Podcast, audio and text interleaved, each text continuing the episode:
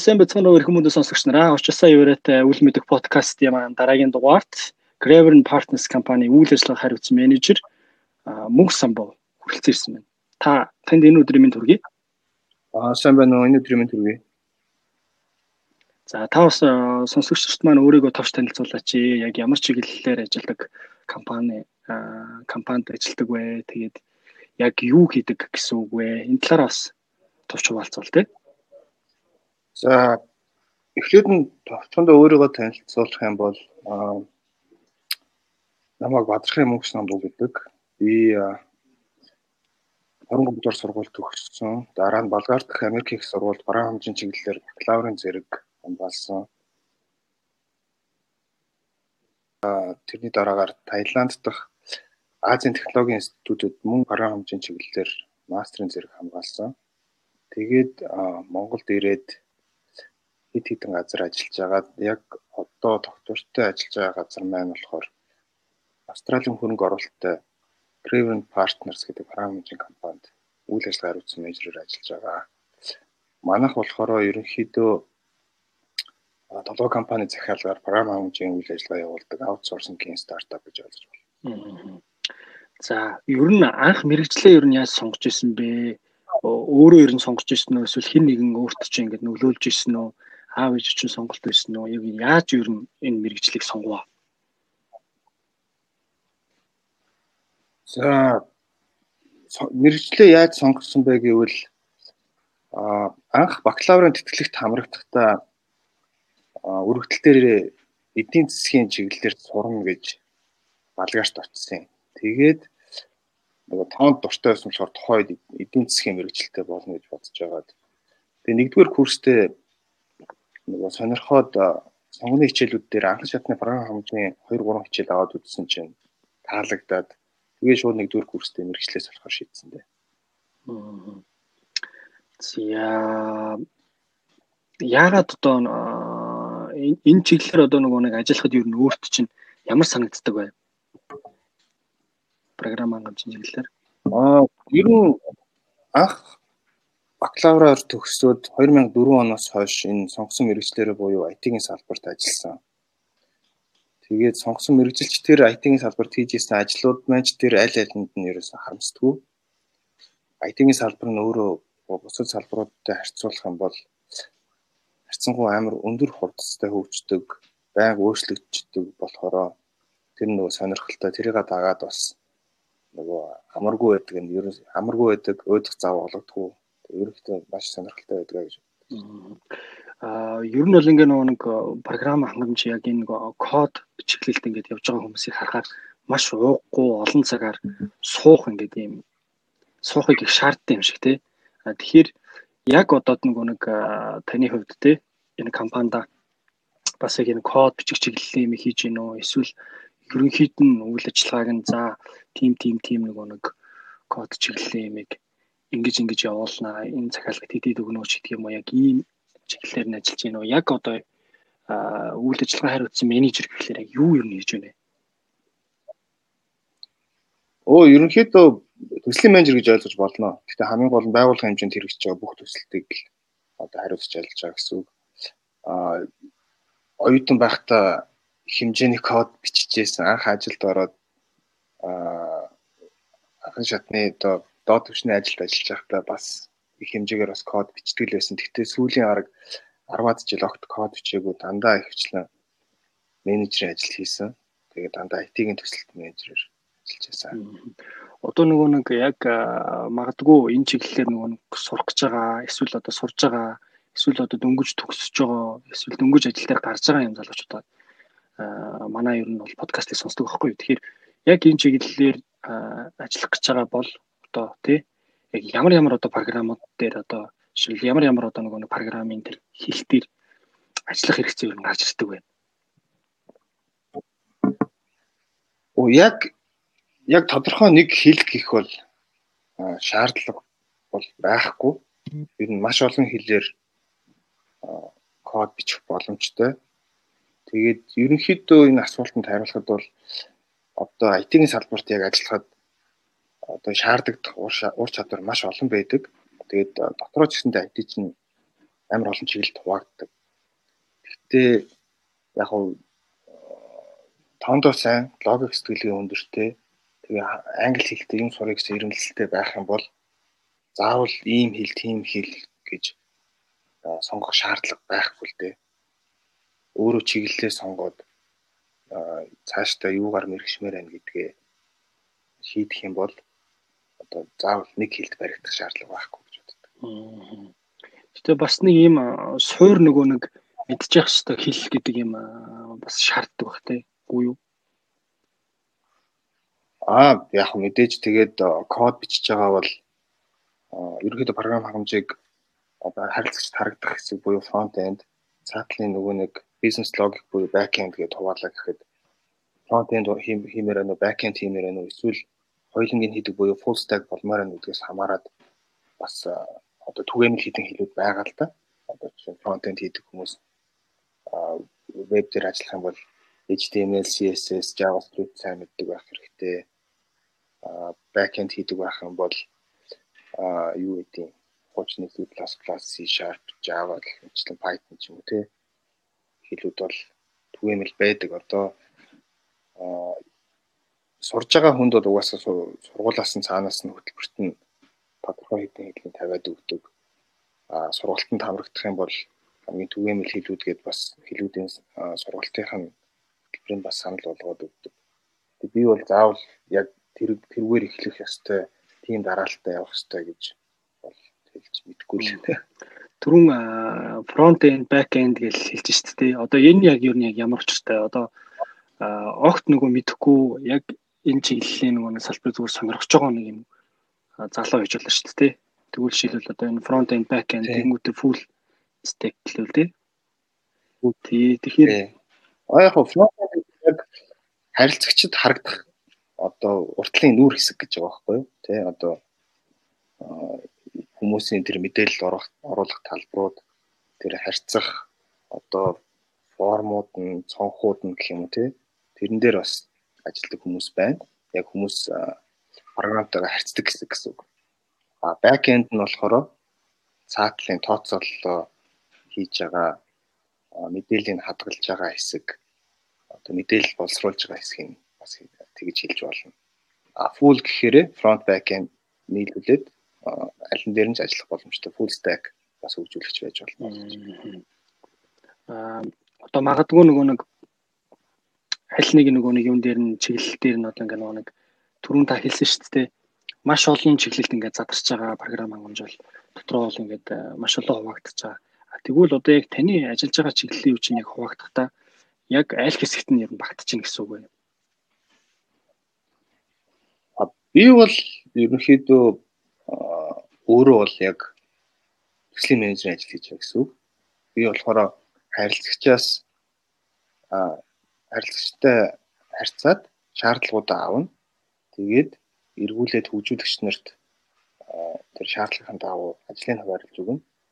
Тэгээд энэ хоёрын хооронд харилцагч хөгжүүлэгч хоёрын хооронд гүүр нь болж өгдөг гэсэн үг байхгүй юу? Яг энэ манай бүтээгдэхүүн харилцагчийн шаардлагын дагуу яг хүссэн зүйлийг хийдэг эцсийн програм хангамж бий болохыг л зохицуулж байгаа гэсэн үг. Зя мэрэгчлэр ер нь ингээд ажиллаж явах үед тулгардаг байсан түгээмэл ингийн алдаанууд гэвэл та ер нь юу хуваалцах вэ? Тэр алдаанаас та юу суралцсан бэ? Өө би энийг яагаад ингэ хийчихвэ гэдэг нэг тийм алдаа байдаг шүү дээ. Тэр тийм алдаа тохиолдож байсан болцооч. Тийм тэгэлгүй яг яг шууд би ингээд өөрийнхөө мэрэгчлийн онцлогоор онцлогоос ярил л да тий. Хамгийн түгээмэл алдаа гэх юм бол одоо дутуу мэдээлэл авах тухайн ажил юм уу төсөлд хамааралтай аль нэг оролцогч оролцогч талын өмнөөс нь шийдвэр гаргах. Энэ хүн тэгэж утсан байх, тэгэж хийх гэж байгаа байх. Тэрийг мэдэхгүй байх гэдэг ч юм уу те.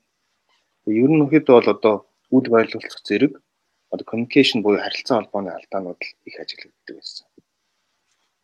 Тийм болохоор яах ёстой вэ гэхээр бүх талууд бүрэн мэдээлэлтэй, бүрэн ойлголттой байх хэрэгтэй. За мэрэгчлэр ер нь одоо ажиллаж явах үеийн амжилттай хэрэгжүүлсэн тэгвэл сайн туршлага гэвэл та юу болцгоо вэ? Сайн туршлага гээд одоо гайхуулаад байхаар хэрэгжүүлсэн том төсөл бол байхгүй юм хэлээ тий. Харин ч тэр дундаа амжилтгүй дундаасаа зогссон цуцлагдсан төслүүд ч байдаг. Ер нь IT-ийн салбарт амжилтгүй хэрэгцсэн төслийн тоо маш их байдаг байхгүй харьцангуй бус салбарын хувьд. Дууссан ч гэсэн дутуу дуустдаг ч юм уу тий. Аа тэгээд IT-ийн салбарт хийгдэг ихэнх ажлууд болохоор дийлэнх тохиолдолд дандаа багаар хамтран ажил тодорхой үр дүнд хүрдэг учраас би нөгөө нэг хийсэн гэхээсээ илүү би оролцсон гэж ярих нь илүү тохиромжтой байна. А тэгээд нэгийг дурдах юм бол хамгийн анх мэрэгчлэрийн ажилд ороод Монголын хамгийн анхны банкны суурь бүртгэлийн системийн хөгжүүлэлт болон нэвтрүүлэлтэд аль алинд нь оролцож явсан да. Ер нь их өөрөө баярлж их бахархаж явдаг. Их зүйлс орсон. За ер нь ингээ нэг юм карьер гэхлээр нэг юм ойлголт өгдөг те. Аа бага албан тушаалаас өндөр албан тушаалд орчих эсвэл бага цалинтай ажлаас өндөр цалинтай ажилд орох эсвэл одоо нөө дотоодын компаниас гадаадын компанид ажиллах эсвэл бүр үндэстэн дамж буюу өөр улс оронд ажиллахыг ер нь карьер хийж гинэ гэж нийтлэг одоо нөгөө нэг түгээмэл нөгөө ойлголтоор бол ингэж харагддаг. А таны хувьд ер нь карьер гэдэг юу гэж ойлгодог вэ? Тэгээ одоо Миний замналч гэсэн ерөнхийдөө над түгээмэл замлаарч явсан л да. Тэгээ цалин багтаагаас цалин их рүү олон улс руу ч юм тий. Тэгээд яг ингээд би өөрөө ингээд хувьдаа карьераа төлөвлөөд цаасан дээр буулгаад жил сар улирлаар ингээд зорилт тавьдаг хүн бол өмнө байгаагүй. А энэ австралиудтай гадаадтай ажилтдаг болсноос хойш манай нөгөө түншүүд хөрөнгө оруулагч нараас жишээ аваад одоо өөрийнхөө үндсэн ажлаас гадна ингээ карьерийн хувийн төлөвлөгөө гаргаад ажиллах юм чухал гэдгийг бол ойлгосон. Нэг жишээ болгож хэлэхэд манайх одоо байгууллага дотроо 12 7 хоногтой жил буюу тий 12 week year гэж байгаа байхгүй тий. Улирал болгонд тодорхой зорилт тавиад аа зорилт гаргаж тавьж ажиллаад өөр өөртөө хариуцлага тооцоод тэр зорилтуудаа хүрсэн хүрээгүйгээ ингээд тогтмол хянж авдаг тийм аргачлал байдаг тэрийг бид нар бас дотооддоо ч гэсэн хэрэгжүүлж эхэлсэн. Тэгээ тэрийг ерөнхийдөө сонирхоод үзээрэй. YouTube дээр видеонууд байгаа. Онлайн зааврууд нь байгаа. Төлөвлөгөөний зааврууд бүх нь бэлэн байгаа. Тэгээ а тэрийг сонирхохоос гадна та над руу нөгөө линкийг явуулчвал би энэ подкастынхаа доор линкийг бас оруулчих тий. Залуучууд тэр нэлийн хэрэгтэй байх. За ер нь тэгвэл та ер нь өөрөө карьераа ер нь төлөвлөж чадсан бай. Ер нь төлөвлөдөг үү? төлөвлөвөл хэдэн жилээр төлөвлөдөг болсон байна. Оо харин тэгээд ерөөс улирал улирлаар нь л төлөвлөж байгаа шүү дээ.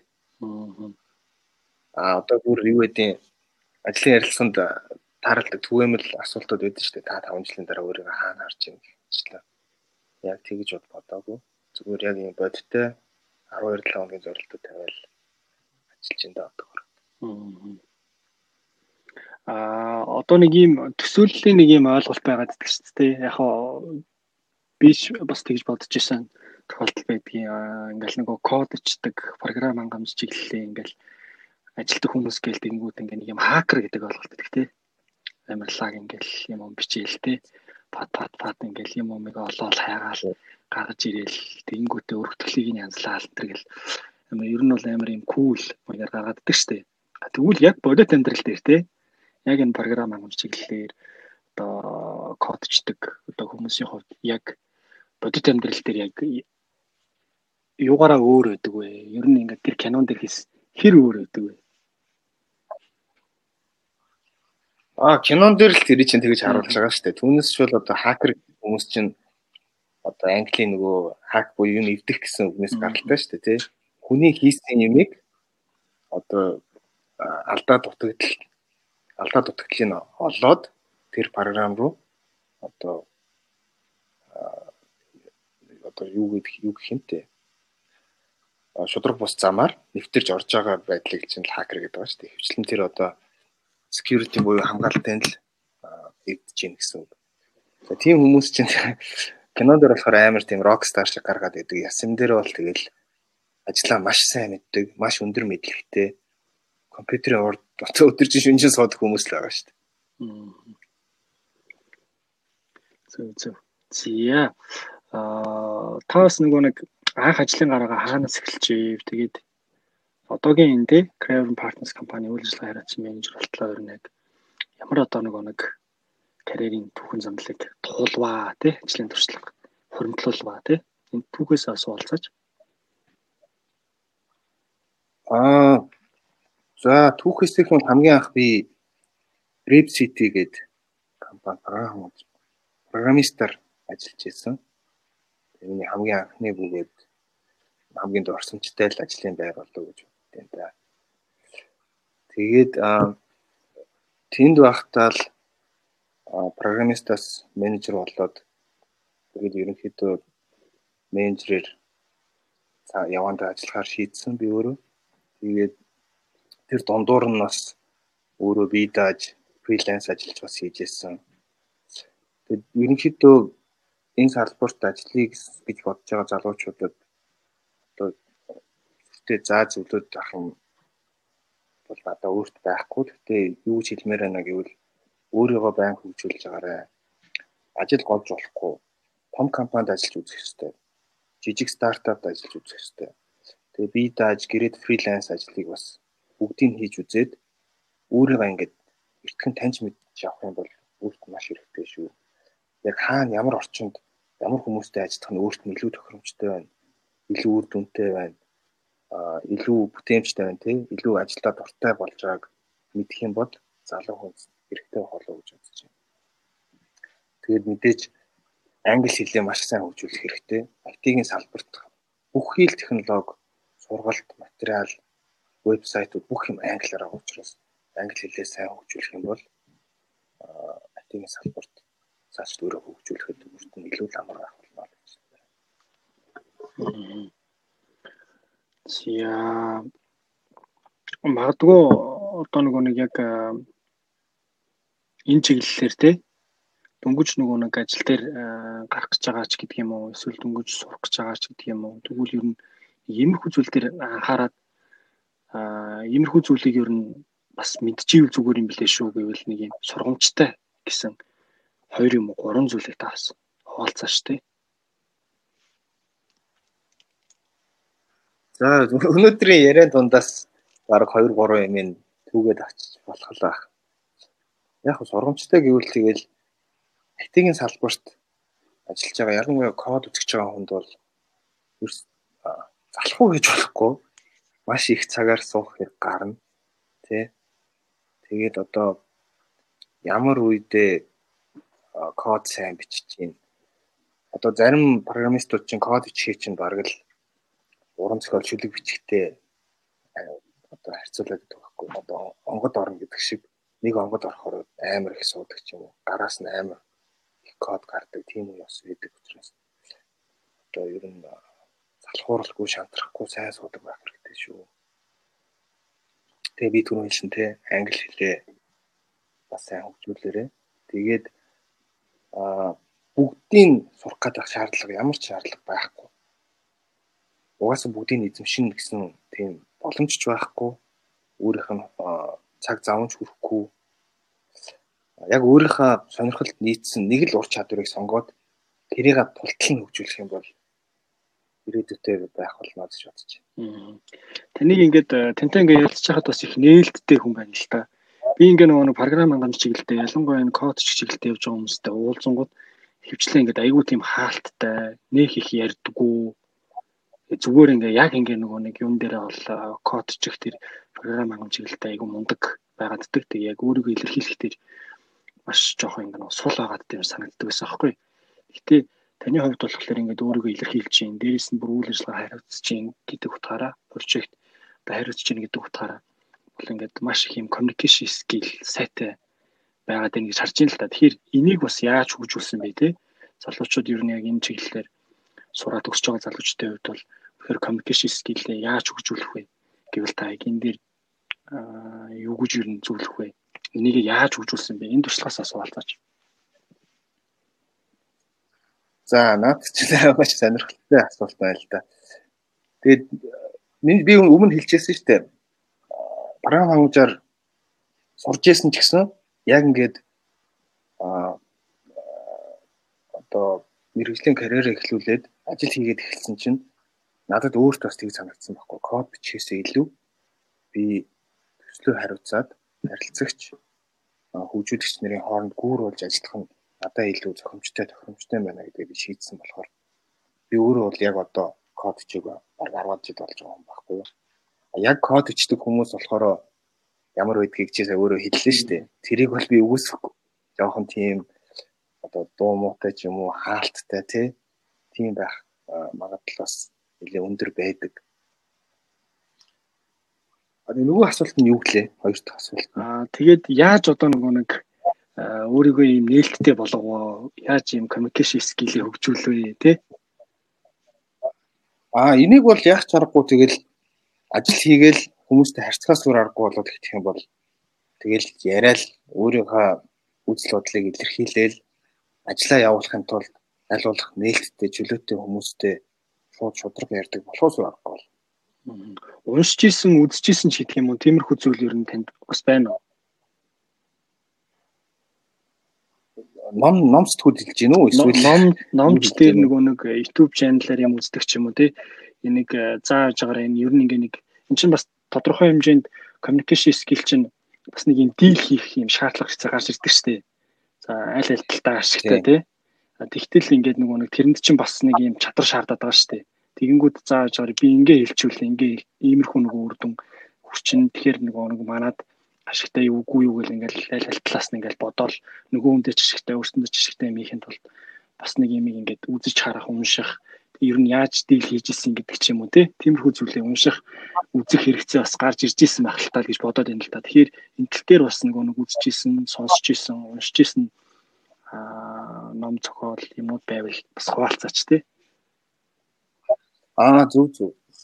Аа яг хөө нэг гурван юм би жишээ дурдж болох юм. Нэг нь болохоор яг заргагүй ажлын байран дээр ажиллаж явах явцад одоо надад одоо заавар зөвлөгөө өгж үлгэр жишээ болж исэн одоо удирдахжсэн дарга захирлууд байгаа.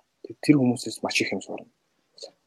Аа хоёр яг миний мэрэгчлийн хувьд би ч одоо төслийн менежерээр нэлээд олон хэвчэд ажиллаж байгаа. Одоо PMP гэдэг одоо мэрэгчлийн төслийн менежерийн сертификат гэдэг. Тэрэнд бэлдэх явцад бас нэлээд хэдийн уншиж судалсан. Яг одоо төсөл хэрэгжүүлэхэд юун дээр анхаарах хэрэгтэй, ямар ажил хийх хэрэгтэй, ямар зохицуулалт хийх хэрэгтэй, яаж ярих хэрэгтэй, хүмүүстэй яаж харьцах хэрэгтэй гэдэг тал дээр бас маш их заавар зөвлөгөө байдаг. А гуравт гэвэл ерөнхийдөө бол зүгээр суугаад байж болохгүй. Ядчил подкаст сонсоод хүмүүс ер нь яаж ярьдгийг бас өдөр тутам баг багаар сурч байвал бас илүүдэхгүй л гэж боддог. За та юм сайн дурын ажил хийдэг үү? За сайн дурын ажил баг хийдэггүй. Хаяа нэг хандив үг болохос яг өөрөө ингээд цаг зав гаргаад ажлыг хийх бол тохиолдол ерөөсөй байгаагүй. Хүмүүсийн компьютер утас форматлахыг сайн дүр ажил тооцдог. За манай хамгийн сүүлийн асуулт болохоор юм мартагдсан Монгол үг гэж байдаг. Энэ маань л яг хаа мартагдсан Монгол гэж ягаад хэлээд байгаа юм гэхээр яг хаа цаг ингээд жишээлбэл ингээд э, он цаг ингээд улирах тоолонд залуучууд нар ингээд нөгөө мэддэг байсан үгээ мэдэхгүй л болж эхэлж байна л да. Тэгэхээр нөгөө нэг өөрийн чинь хувьд э, аав ээж ч гэдэг юм уу өвөө эмээ ч гэдэг юм уу тий өвөө эмээс сонсч ирсэн юм сэтгэлд үлдсэн хуучны тийм нандин ховор нандин үг байвал хуваалцаач ямар утгатай үг байсан бэ Ях та нэрэ бэлтээгүй асуулт биш тэ наа чи. Эзэн хичээл заяа чи нэгтэй найртай байгаарай л гэж хэлдэг шүү дээ. За тэгээд э, Өнөөдрийн дугаарт цаг зав гаргаж оролцсон явдал танд маш их баярлалаа. Тэгээд э, магадгүй одоо сүүлийн мөчөд танд ингээд би энийг нэг хэлээгүй, энийг яриаггүй үлдээчүүдээ, энийг нэрээ хилдэгч байж юу гэсэн зүйл байвал та бас залуучуудад маань хаваалцаач. Аа, ерөнхийдөө бодож санаж ирсэн юмудаа хэлжлээ дээ. Тэгээд яг нь одоо залуу хүмүүст юу хэлэх вэ гэхээр одоо ажил битгий болоороо гэж захимаар байна. За тэгээд э, сонсогч нараа өнөөдрийн дугаарт маань Craven Partners компани үйл ажиллагаа хариуцсан менежер Мөнх самбуу оролцлоо. А та бүхэнд хэрвээ подкаст маань таалагдсан бол YouTube channel subscribe дараарай. Аа пэйж маань лайк. Аа тэгээ бас share хийгээрэй. Аа таны ажилд бас тий өндрөөс өндөр амжилтыг өрөөё. За баярлалаа. Та нарт болон сонсогч нартай бас ажлын өнөрт амжилт хүсье. Have a chat.